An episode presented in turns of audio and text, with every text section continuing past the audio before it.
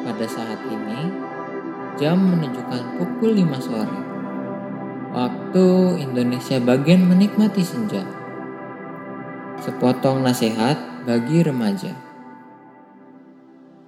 Mari kita buka renungan kita hari ini dengan sebuah pertanyaan. Ketika kamu memilih peliharaanmu saat ini, atau memilih buku catatan pribadimu saat ini, apa yang kamu pertimbangkan?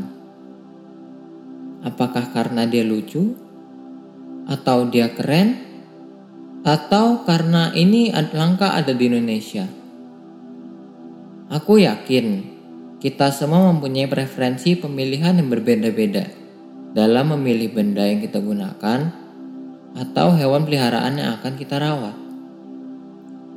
Tapi ketika kamu memilih seorang ketua kelas atau memilih seorang menjadi ketua kelompok dalam sebuah tugas dan kerja kelompok, aku yakin kita pasti memiliki beberapa standar yang pasti akan kita gunakan sebagai tolak ukur pemimpin. Karena dia bukan seseorang yang berada di bawah kita. Seperti hewan peliharaan atau sesuatu yang bisa kita atur seenak kita seperti buku catatan pribadi kita. Tapi dia bertanggung jawab untuk memikul beban lebih, memandu kita jika kita salah, dan bahkan menguatkan kita semua ketika kita jatuh.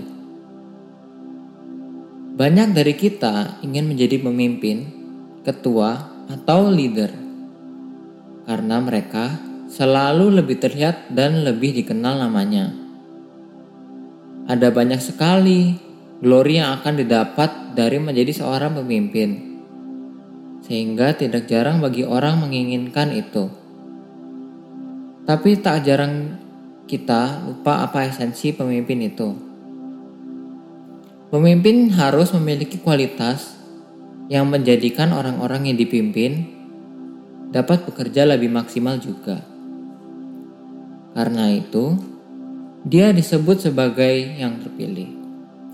Bukan karena kita memilih secara sembarangan, tetapi dipilih karena kualitas yang ada dalam diri orang tersebut. Lalu, apa saja kualitas yang harus dimiliki pemimpin? Mari kita belajar dari kisah Stefanus. Saat ini ia dipilih menjadi pelayan Tuhan. Waktu itu, Rasul menunjuk tujuh orang untuk membantu pelayanan mereka terhadap para janda, dan dari orang-orang tersebut, Rasul menetapkan syarat yaitu terkenal baik, penuh roh, dan hikmat. Selain itu, Alkitab secara spesifik menyebutkan bahwa Stefanus penuh iman dan Roh Kudus. Di sini kita bisa mendapatkan empat kriteria orang-orang terpilih yang baik, yaitu terkenal baik, penuh roh, hikmat, dan iman. Mulai sekarang, mari kita bangun reputasi kita untuk menjadi orang yang baik. Walaupun tidak bisa dipungkiri kalau kita tidak bisa menyenangkan semua orang dan kita pun tak pernah luput dari kesalahan. Tapi orang yang baik selalu mengakui kesalahan dan mencoba untuk berdamai. Hidup kita juga harus dipenuhi roh dan berhubungan intim secara terus-menerus dengan Tuhan. Milikilah jam doa dan saat teduh bersama Tuhan untuk mendengarkan tuntunannya, agar hikmat juga diturunkan kepada kita, dan yang terakhir, marilah kita terus beriman kepada Tuhan.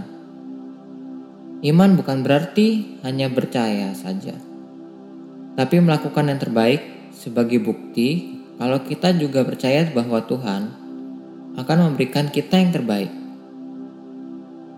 Mari kita berdoa. Tuhan Yesus, terima kasih atas berkatmu pada hari ini. Hari ini, kami diingatkan kembali ya Tuhan, untuk belajar menjadi pemimpin. Pemimpin yang bukan hanya sekedar mencari nama, tapi pemimpin yang memiliki esensi untuk memimpin teman-teman kami. Ajar kami ya Tuhan, agar kami bisa mengaplikasikan apa yang sudah kami renungkan pada hari ini dalam kehidupan kami sehari-hari. Untuk membantu memperluasan kerajaanmu di bumi ini.